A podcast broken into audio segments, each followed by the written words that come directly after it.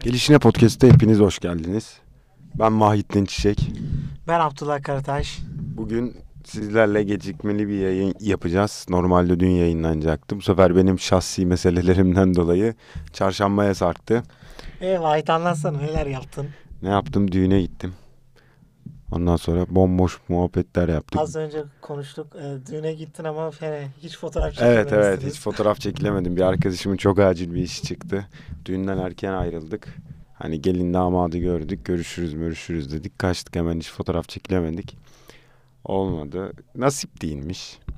Ayağının tozuyla da Ayağım. yaptın, geldin ve iş, iş hayatına tekrardan hayatı. başladın yoğun bir gün. Bir şey diyeyim mi? Hiç dö hiç dönesim yoktu ya. Kardeşim. Yani gidince bir insanı Bir noktada e, sap, Sapanca'da temelli bir hayat seni bekliyor olacak diye düşünüyorum. yani eğer imkanım olsa belki bu şartlar çok zorlanabilir ama imkan imkan şartları yok ya. Çok zor neyse.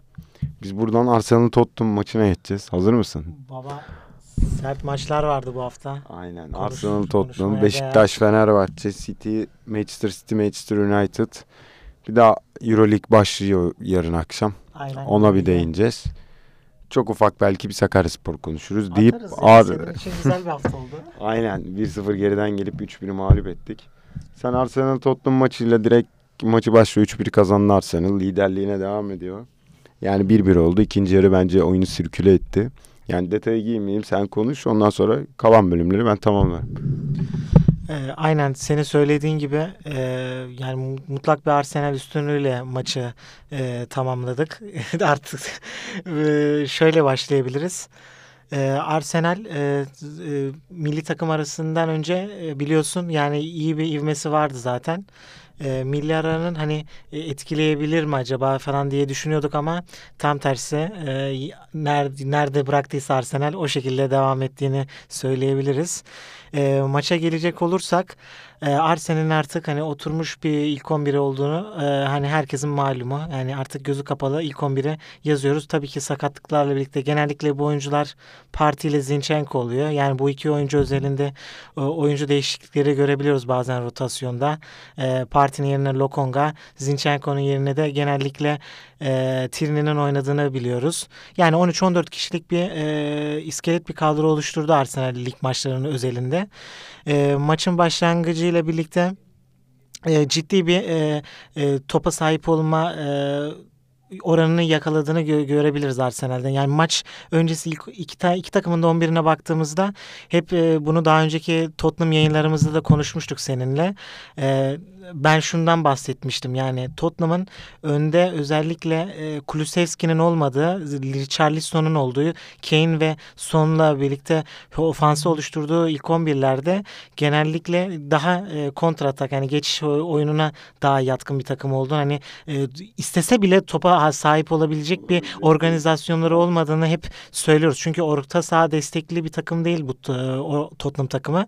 Daha çok e, hızlı hücumlarla e, kaleye direkt inebilen bir takım. E, bunun bu sorununu yaşayabileceğini daha öncesinde de söylemiştik. E, yine e, net bir şekilde Arsenal topu aldı. %67, %70'lere ulaşan top o toplu oynama oranları yakaladığını gördük. Yani özellikle ilk yarım saatte e, net bir şekilde oyun üstünlüğünü aldığını söyleyebiliriz. Golü de buldu zaten Arsenal. E, sadece şu noktada e, tam o ceza sahası yayında e, kilidi açması bence önemliydi. Çünkü e, Tottenham çok ciddi şekilde kapanıyordu ve e, yay yay çevresine de ciddi boşluklar veriyorlar. Yani şut öz- şutla açabileceğimiz bir maçtı. E, o yönden partinin golü bence çok iyi oldu. Onun dışında e, yani maçın 90 dakika ile alakalı tek problemim benim e, o 30 ile 45 arasındaki sekans. Şöyle ki e, Arsenal topu e, skoru da aldıktan sonra e, ben hani e, katlanarak oyununun e, daha da gelişebileceğini düşünüyordum ama onda skoru almamıza rağmen abi sen de fark etmişsindir. Yani kontra fırsatları verdik. Yani, yani- gol öyle golün yani devamında gelen penaltı onun o şekilde geldi. Biraz Manu'da e, Manu maçındaki verdiğimiz hızlı hücumları burada da Tottenham'a karşı da yani adamların tek büyük silahı o. Hani o, özellikle skoru da aldığımız sekansta yani bence yani o 30-45 arasını kaybettiğimizi Conte- söyleyebilirim. Conte şunu yani bir yandan da şunu yapmış olabilir. Yani yani saçma gelecektir ama şey demiştir yani. Arsenal hücum yapacak. Kornerden dönen topla atak yapacağız. Tek planımız buymuş gibi bir şekilde arka arka yani bir 5 dakikalık bir sekans var. Golü yediğimiz bir sekans. Ondan önce de aynı pozisyonu yaşadık. Ama bu sefer penaltı ya da hani biz tehlikeli atakta sonlanmadı. Tam bambaşka bir pozisyonda soldan geldiler golü yedikten sonra ilk yarıda yine. Çünkü şeye bir anda şey düşündüm pozisyonu. Harry Kane'e kafa vuruyor. Harry Kane'in Zinchenko'nun üstünden bir kafa vurduğu pozisyon var. Tamamıyla hepsi kontra atak. Bizim kornerde ya da üçüncü kendimiz üçüncü bölge Tottenham birinci bölgesine kaptırdığımız toplarla bir anda sonları Charlison'la bir şeyler yapmaya çalış. Yani çok hızlı bir şekilde iniyorlar. Ama Arsenal bir şekilde yani ilk yarı değerlendirdiğimizde ilk yarı yani ikinci yarının bu kadar sürük ikinci yarıyı bu kadar sürükle edeceğini biliyor muyduk? Yani ben şahsen ilk yarı hani bu kadar beklemiyordum. Hani gene koro koru bir mücadele geçeceğini düşünüyordum. Ama ikinci yarı bambaşka bir oyun vardı. Arsenal'ın adına. ikinci yarı ya da değil sonra ben gene bir şeyler de.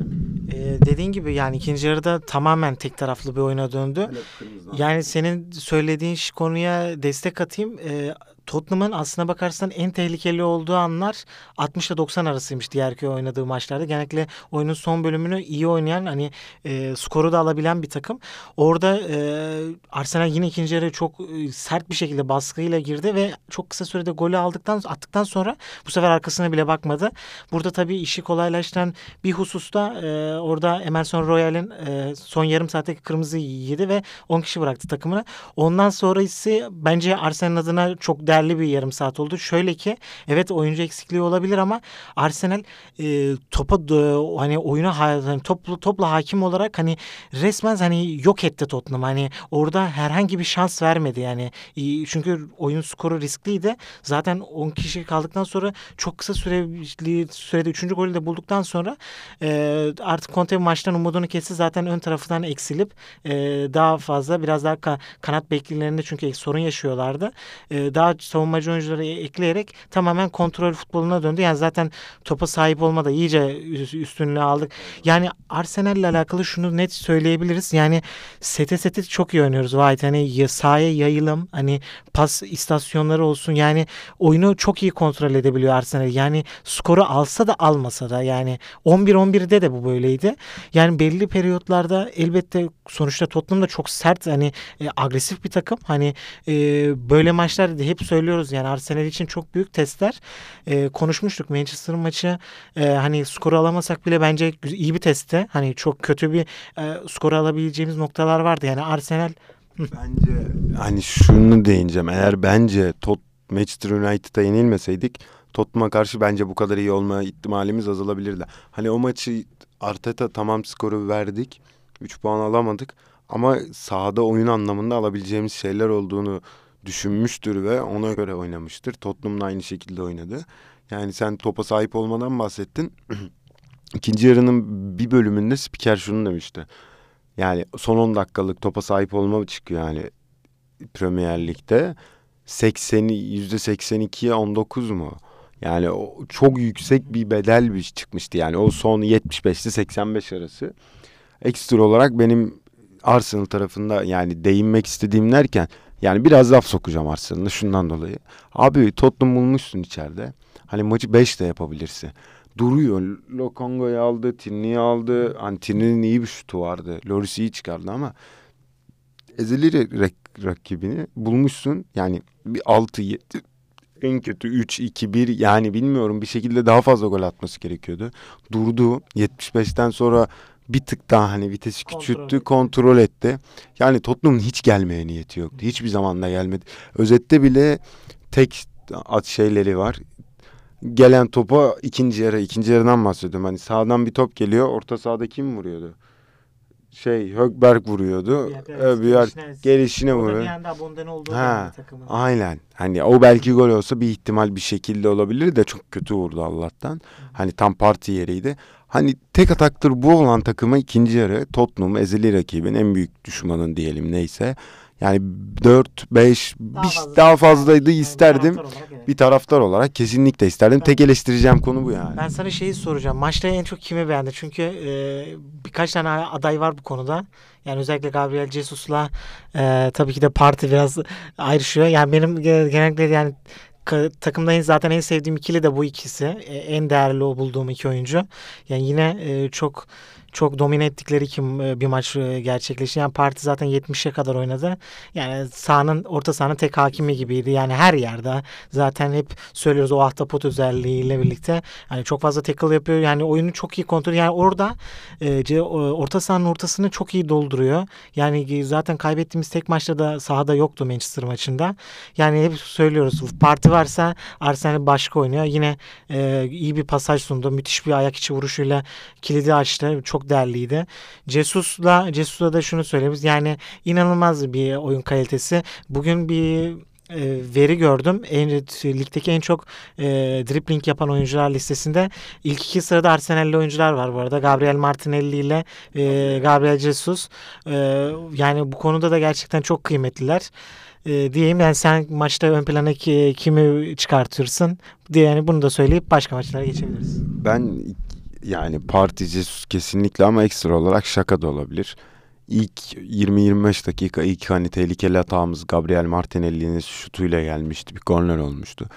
O da olabilir. Yani şaka Gab iki Gabriel, iki hücumcu Gabriel.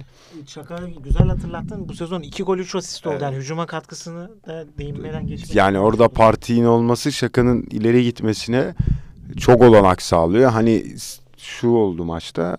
Spiker gene şunu dedi. Fabio Vieira oyuna girecek dedi. Spiker mi dedi? Yani Arsenal'ın yaz boyun yaz başında transferlerine baktığımızda hani genel anlamda sezon boyunca Parti, Odegaard, Fab- Fabio Vieira hani ideal üçlü gibi hani yeni transferler birlikte olabilir diye düşünürken Şaka'nın bu hücuma yönelik katkısı Brentford maçında Gabriel Jesus'a mükemmel asisti. Bu hafta da aynısını yaptı. Aynısını birebir aynısını yaptılar. Brentford maçının attığı golün aynısını Şaka Gabriel'e yolladı. Bu sefer Gabriel atamadı. Her hafta atacak diye de yani o pozisyonda her zaman gol olacak diye bir şey de yok. Hani bunu çok iyi yapabilmesi bence Şaka'yı ekstra bir yukarı çıkardı. Deyip Manchester City Manchester United maçına geçelim. Ezeli rekabette ezeli sonuç.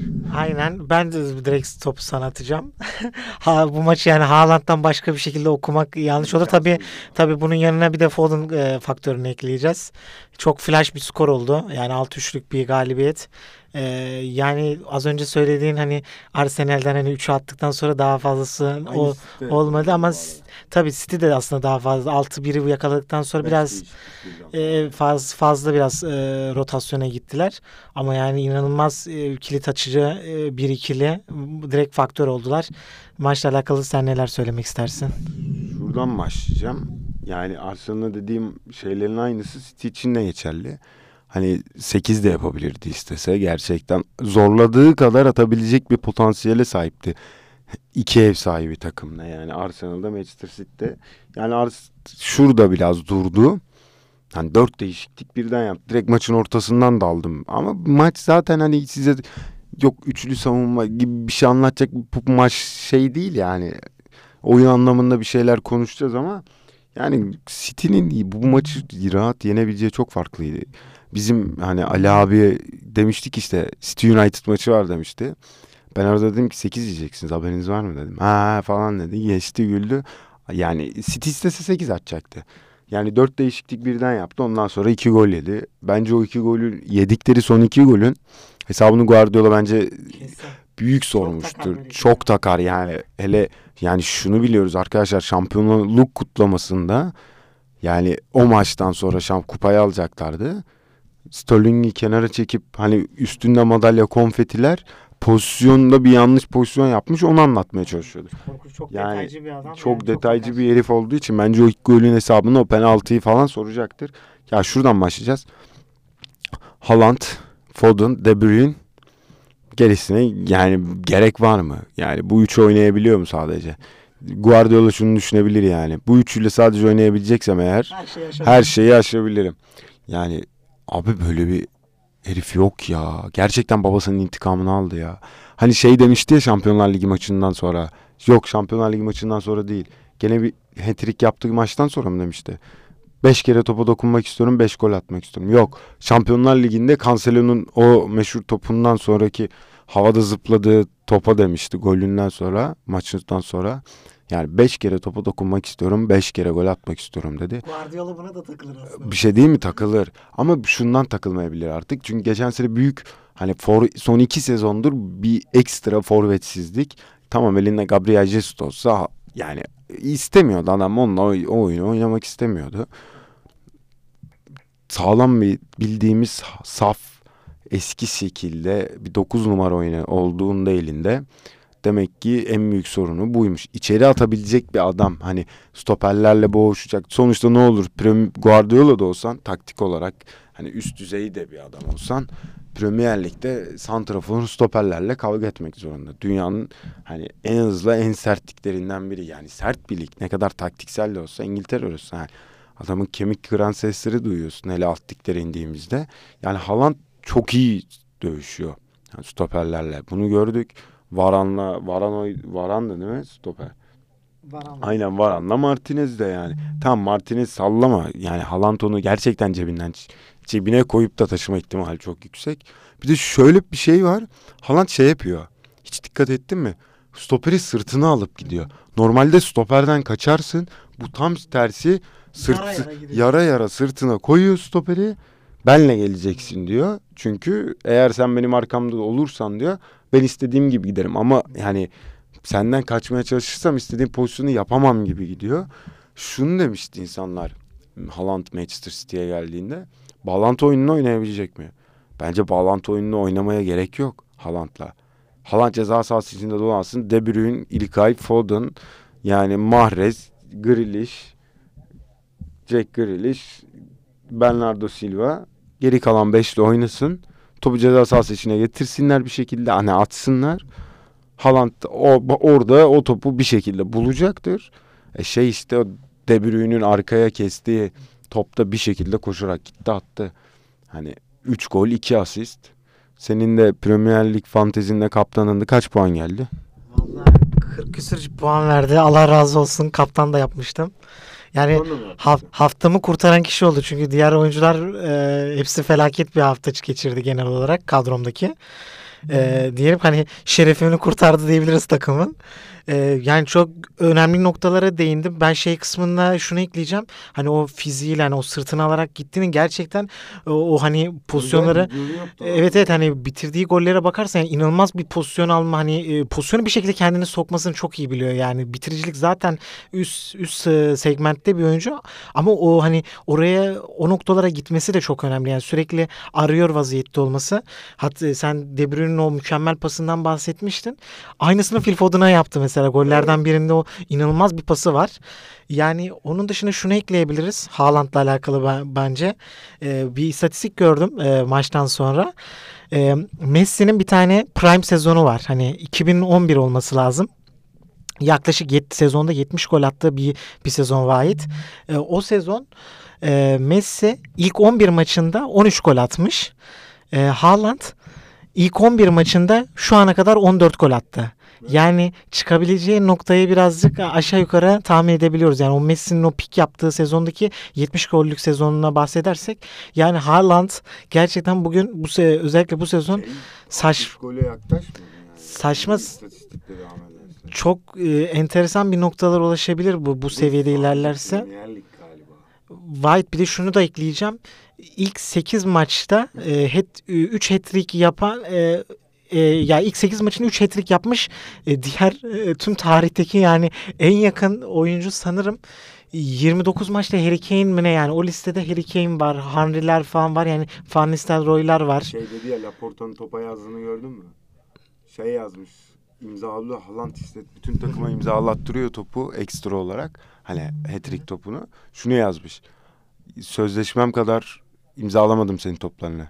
Öyle bir cümlesi var. O kadar, o kadar çok sık hat-trick yapıyor. Yani inanılmaz bir olay White. Yani 8 maçta 3 hat-trick yapabilmek yani Premier Lig gibi bir yani bu tabii ki de Haaland özelinde yani Haaland'ı ne kadar de acayip bir sezon geçirdiğini o, okumamızı sağlar ama aynı zamanda takımın da ne kadar güçlü olduğunu gösteriyor. Yani gerçekten e, yani City'nin e, yıllar içerisindeki hani hep farklı bir sezon hikayesi vardı. Yani bu sezonu da zaten Haaland gelirken e, aslında bunu hani f- tahmin edebiliyorduk yani. Çünkü City e, City'nin tek problemi belli maçlarda oyunun kilidini e, çabuk kıramamak. Hani çözememek o problemi yaşadığını biliyorduk ama e, dünya üzerindeki şu an en büyük e, bitiricilerden birine sahipler ve bunu da çok iyi kullanıyorlar. Yani oyun kaliteleri ilk sezon başlangıcında hafif böyle bir bocalama yaşamışlardı. Hani Haaland'ın üretim anlamında yine üretiyordu ama e, onu pozisyona sokma noktasında henüz adaptasyonu tam tam sağlanamamıştı ama şu anda gerçekten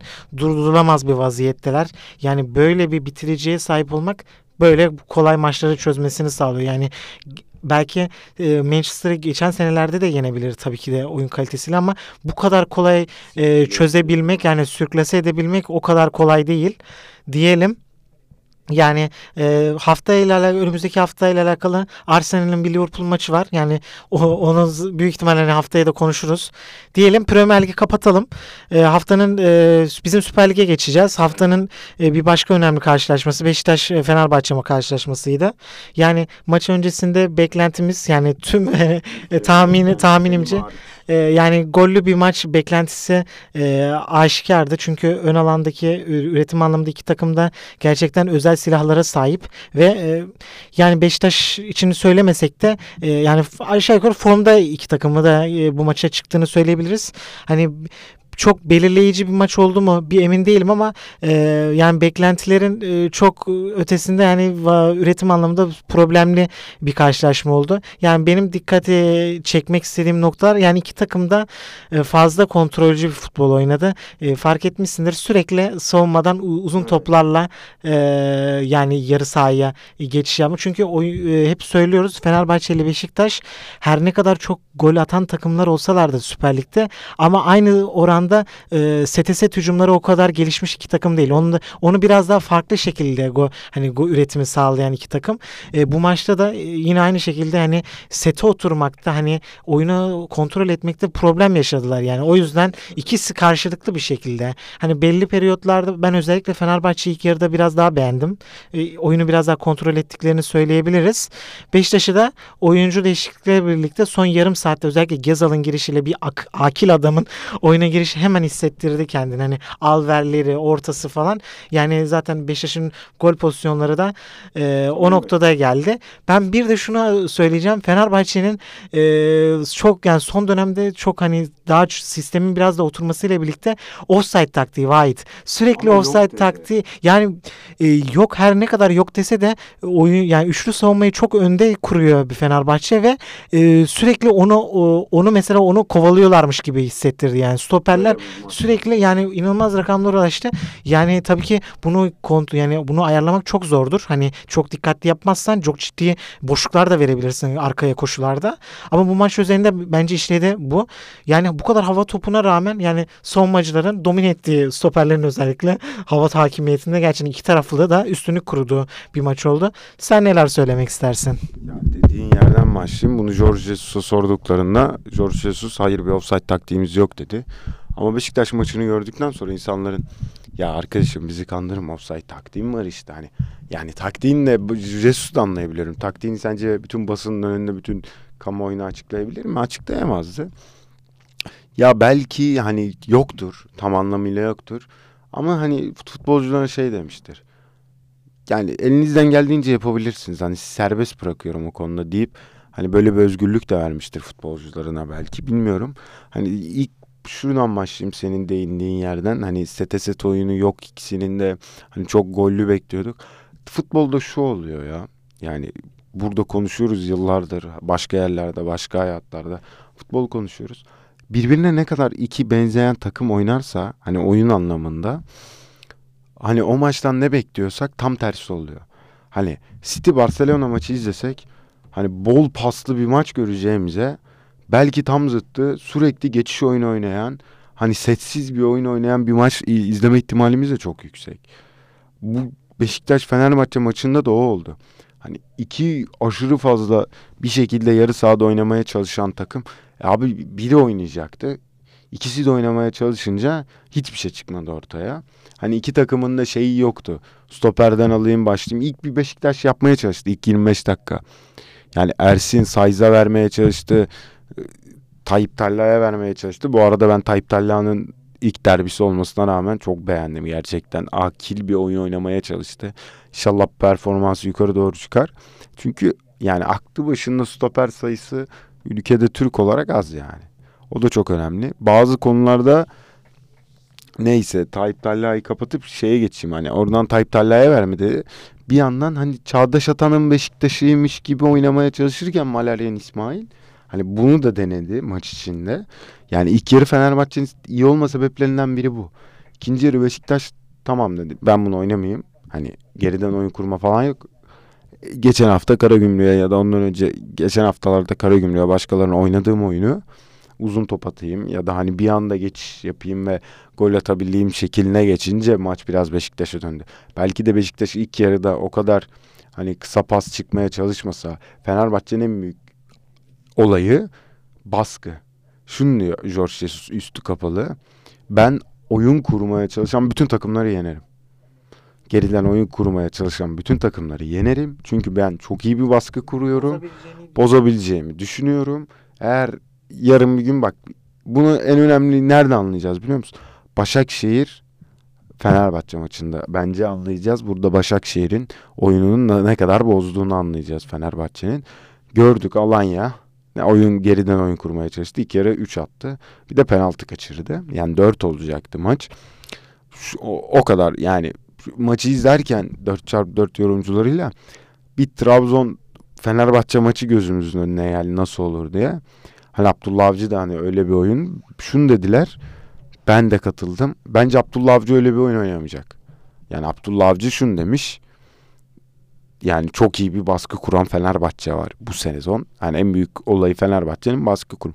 Bunu bu cümleyi kurmuş Abdullah Avcı. Bu cümleyi kurmuş bir Abdullah Avcı herhalde Fenerbahçe'ye karşı Uğurcan Çakır Martıra ile beraber geriden oyun kurmayacaktır herhalde. Yani buradan baktığımız zaman Fenerbahçe'ye karşı ya geçiş oyunu oynayacaksınız ya hızlı bir anda uzun top atıp yani forvetinizle ya da en güvendiğiniz hücumcu bir oyuncuyla buluşturacaktınız. İlk yarı Delalli'nin fizik olarak yetersizliği belki de Beşiktaş'ı hani gol bulmasını etkilemiş olabilir. Daha fazla hani biz neredeyse Altay'ı görmedik ilk kere. Yani Vegors'un ceza sahası dışında bence neden buraya geldiği Vegors'un bu maçta belli oldu. Hani Premier Lig'den neden Süper Lig'e döndü? Tamam maaş falan okey de yani Premier Lig'den iyi bir teklif alsaydı hiçbir zaman maaş falan bakmadan gelmeyecekti buraya. Ve Gors'un ben şunu fark ettim. Ceza sahası yayı dışında belinin yani istediği hareketleri tam olarak yapamadığını fark ettim. Ama ceza sahası içine girdiği anda bir anda sanki o bel hareket dönmeleri ya da başka şeyler bir anda yükleniyormuş gibi oluyor. Ama ceza sahası dışında stoperlerle hani sırtı dönük olduğunda şu şeyin kararını veremiyor öyle alayım topu gideyim mi ya da yüzüm dönük mü oynayayım sırtım dönük mü oynayayım kararını veremiyor. Burada Delalli hiç Vegors'a yardımcı olamadı. Burada Beşiktaş'ın en büyük sıkıntısı var. Hani Vegors ceza sahası içinde bence ligin en iyi santraforu şu an. Ama ceza sahası dışında yani bazı şeyleri yapamadığı için zaten hani sen şu an Süper Lig'de dur biz seni o hani 30-35 gol atarsan biz seni tekrar Premier Lig'e alacağız dediler bence. Hani ya resmi olarak böyle bir şey tabii ki de denmedi ama yani Premier Lig havası, durumu, şeyi ve Gorsomun dedi. Sen git orada ceza sahası dışındaki pozisyon bilgini, o bel dönme hareketlerini bir geliştir. Ondan sonraki kararını bir şekilde veririz dediler. Bu bence Beşiktaş'ta etkili oldu. Fenerbahçe bildiği oyunu oynadı. Yani Jesus da dedi. Yani Beşiktaş'a karşı oynuyoruz. Nasıl bir oyun oynamamız gerekiyordu ki dedi şu var iki teknik anlamda yenilmek istemedi. En büyük bence sahaya çıkarken oyuncularına verdikleri şey şu. Bir puan bile okeyiz dedi. Motto ile çıktılar. Çünkü derbiydi. Jesus'un ilk derbisi. Hiçbir zaman kaybetmek istemez. Valerian İsmail 3. derbisi olmasına rağmen hiç sıfır galibiyeti var. Bu da bence bak 3 Trabzon'a karşı oynadı bir bir berabere kaldı. Fenerbahçe'ye oynadı yine. Galatasaray'la daha hiç karşılaşmadı Valerian İsmail. Fenerbahçe'ye karşı oynadı. Son sezon son derbisiydi. Vodafone Park'ta 1-1 bitti. Şimdi yine Fenerbahçe ile oynadı. 0-0 bitti. Yani önümüzde herhalde Galatasaray maçı var. Bakalım Türk Telekom ne yapacak? Yani bir de şu an Galatasaray'a karşı deyip benim söylemek istediğim başka bir şey yok. Yani ben özetlediğimizi düşünüyorum Beşiktaş Fenerbahçe maçını. İki yani şunu düşün. İki ikiz kardeşin aynı şeyleri yapmasıydı ve sıkıcı bir maçtı. Ben maçtan önce dedim ama ya bu maçtan herkes gol beklediği için gol çıkmaz dedim. Ne yaptım? Oynamadım. 0-0 biter dedim ya da bir buçuk alt gol biter dedim. Oynamadım iddia. Yapıyorum böyle şeyler. Tamam. Ee, yani bence de bence de güzel özetledik. Ee, çok kısa şu Sakarya Yeni Malatya maçını da bir senden dinlemek istiyorum. Ee, bir bir bölüme bakmaya çalıştım. Özellikle o da gollerin dakikasına denk gelmesi de benim için aynen oraya gelecektim zaten. 3 birlik bir galibiyet. Yani bu sezonun Sakarya açısından ilk 7 haftasında hikayesi bu. Ya kazanıyorsunuz ya kaybediyorsunuz. Yani ortası yok. Ben zaten şey demiştim hani sezonu tamamladığında Sakarya 38 maçta atıyorum 20 galibiyet 18 mağlubiyet hani böyle e, dengeli beraberliğin az olduğu bir sonuç alabilir gibi hissediyorum. E, şu, şuna geleceğim. E, ilk 6 haftanın MVP'si Kabongo Kasongo seçilmişti. Yani bu maça gelmeden önce. Bu maçta bu maçta da yaptı şovunu. Ee, bu maçla alakalı ben sana şey söylemiştim. Bir tane farklı bir hani daha önceki maçlardan görmediğim bir oyuncuyu gördüm demiştim Nalepa. Yani evet. sen onun performansını nasıl buldun? Yani Malatya Lig'in alt tarafında yer alan bir takım. Ama ters. Ters takım evet çok fazla e, hızlı oyuncuları, sert orta saha oyuncuları olan e, bir kadro kadrosu var.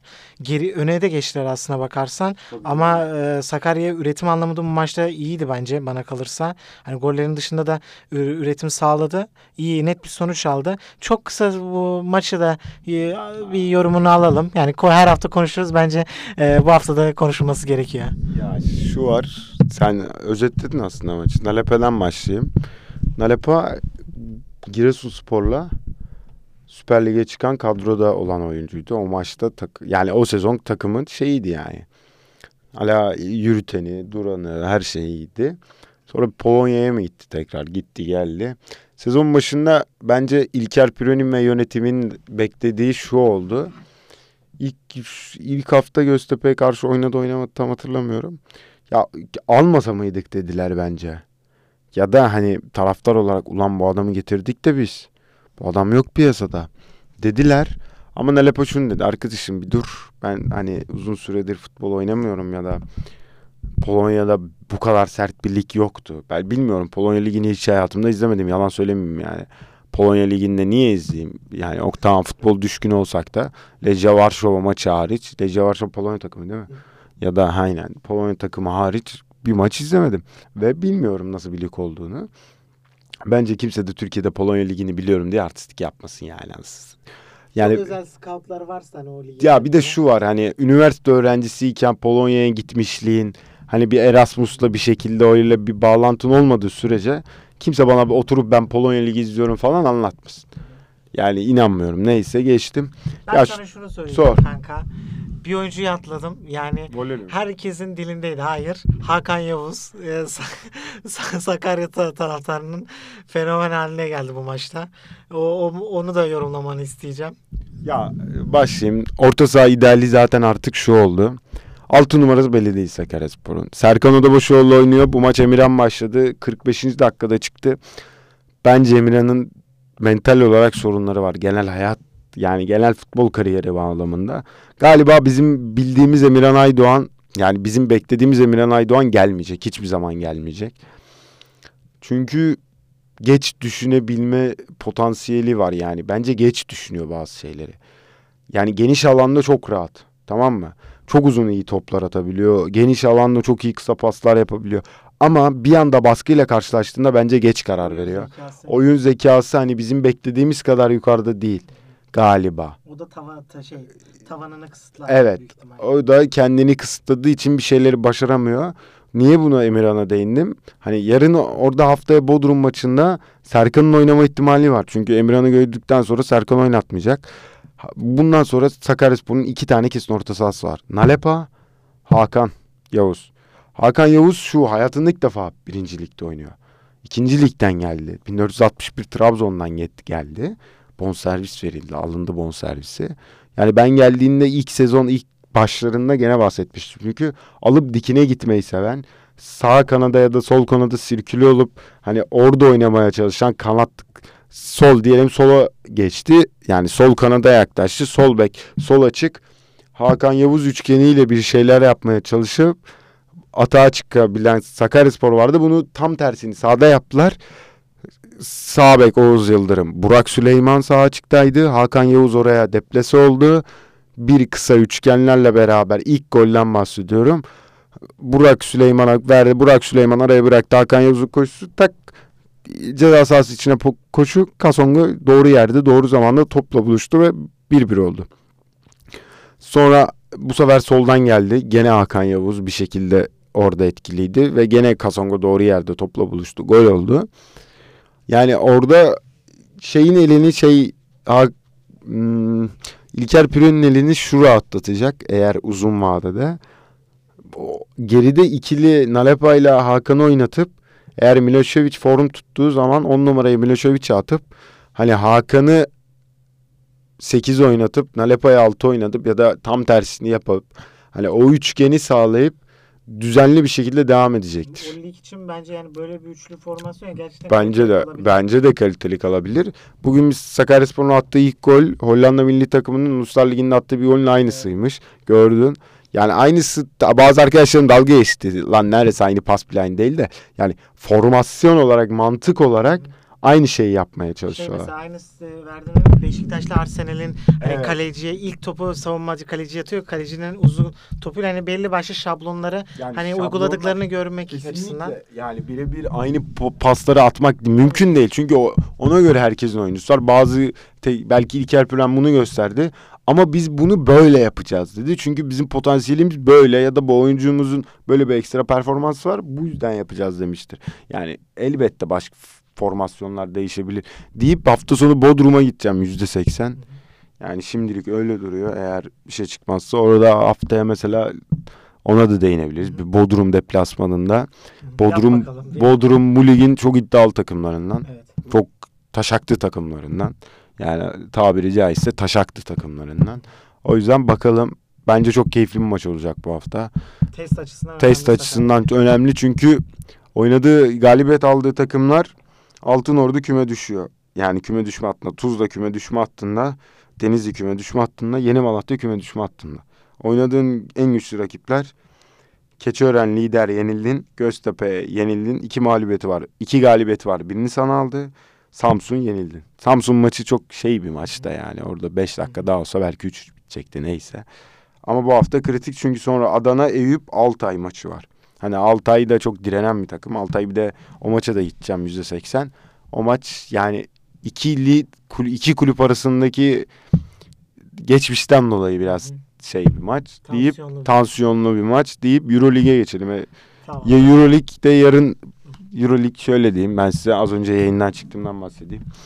Euroleague'de yarın lig başlıyor. 2022-2023 basketbol sezonu. Avrupa basketbolunun bir numaralı organizasyonu yarın başlıyor. Son iki yılın şampiyonu Anadolu Efes di. Fenerbahçe temsilcimiz Fenerbahçe'de mücadele edecek. Rus takımları olmayacak. Ben bu genel bilgileri vereyim. Apo detaylandıracaktır ise. Rus takımları men edildi. Bence yanlış bir karar. Basket yani basketbolla hiçbir alakası yok bu işin. Neyse. Deyip başka ilk dört takım playoff'a da ev sahipliği yapacak matematik bilgilerini verdim. Başka ne var? Başka bir şey yok. Detaylar sende. Takım yıldızlar yağmur olmuş. Kanka şöyle e, süreyi de çok hani uzattık fazla hani zaten ilerleyen haftalarda da konuşuruz. E, söylediğin kısım bence önemli. Hani Rus takımlarına yıllar sonra e, ilk kez olmaması tabii ki. E, yani söylediğin takımlar kazanı da dahil edelim buraya. Hepsi ilk 8 için oynayan takımlar. Yani zaten e, CSK zaten yıllardır Final Four'un en büyük e, ta- en büyük adaylarından bir takımdı.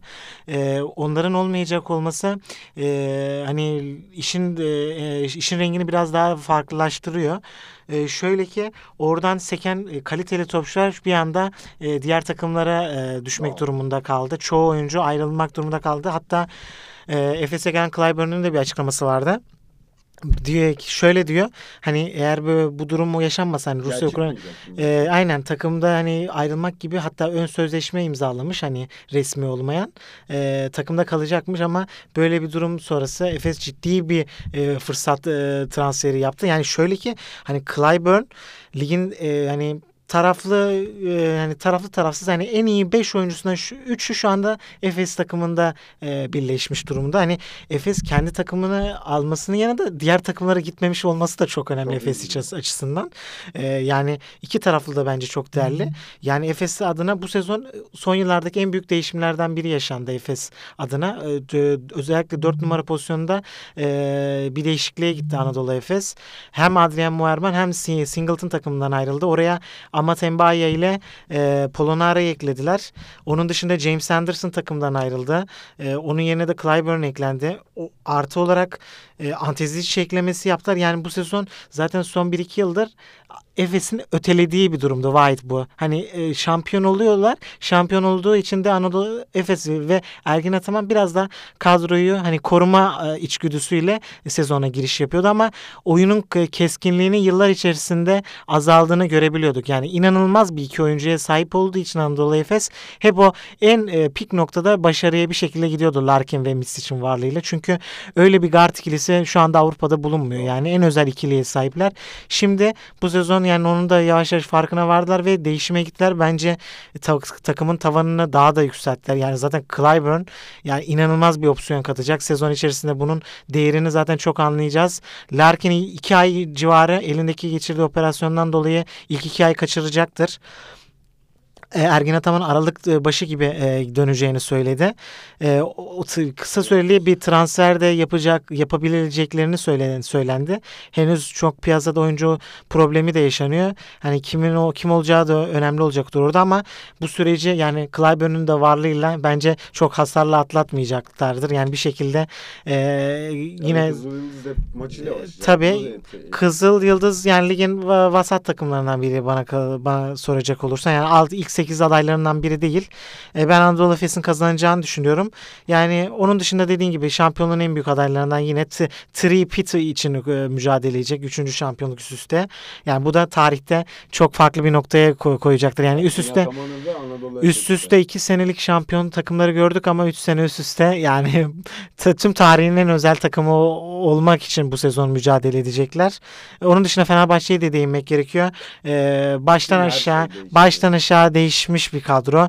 Antrenöründen tut oyuncu kadrosuna kadar. Itudis yaz kampını geçirmedi bu takımda. O bence büyük dezavantaj olacak. Zaten şu anda oynadıkları basketbolu da bakacak olursak henüz daha takıma e, takımda hani otoritesini sağlayabilmiş değil. Çünkü çok e, spesifik bir adam Itudis. Hani çok şampiyonlukları e, şampiyonluğa mücadele eden kadrolarda yer, yer, yer almış. Tecrübeli takım oyuncularla çalışmış bir antrenör.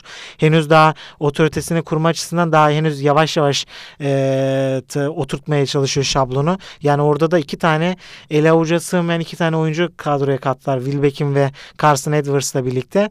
Takımın en büyük iki, iki starı e, takımdan ayrıldı. De Colo'yla e, Yan Veseli. Yani bunun boşluğunu doldurmak bence bana kalırsa kolay olmayacaktır e, normal sezonda. Çünkü önemli liderlik yapabil önemli dönemlerde liderlik yapabilen bir iki isimde. Onun onların yokluğunu bana kalırsa arayacaklar. Yani çünkü A klasmanında o, şu anda oyuncu eksikliği ya- yaşıyorlar. Hepsi potansiyelli oyuncuları var. Jonathan Motley geçen sene EuroLeague dışında en iyi oyuncu olabilir. EuroLeague'de oynamayıp Euro, performans olarak en özel oyunculardan birini aldılar aslında bakarsan Jonathan Motley ile birlikte. Sezon içerisinde de iyi işler çıkaracaktır ama henüz A seviyede test edilmedi. Carson Edwards inanılmaz bir skor potansiyeli barındırıyor ama e, e, NBA kariyeri dışında e, henüz e, test edilmiş bir oyuncu değil. Yani ne vereceği meçhul oyunculardan kurulu bir kadro. Burada biraz daha geçen seneden kalan Guduric gibi, Booker gibi e, biraz daha tecrübeli oyuncular e, etrafında biraz daha şekillenmesi gerekecektir sezon başlangıcında. E, onu söyleyebiliriz. Ben e, yani çok süreyi de uzatmamak açısından bir takım hakkımı kullanacağım. Bu sezon sezonu dikka- dikkatle takip edilmesi gereken Monaco. Monaco'nun ben kısa rotasyonuna bayılıyorum. Yani inanılmaz bir hat oluşturdular orada. E, geçen seneden Mike James de devam ediyor. Onun yanında abi e, Jordan Lloyd'u eklediler.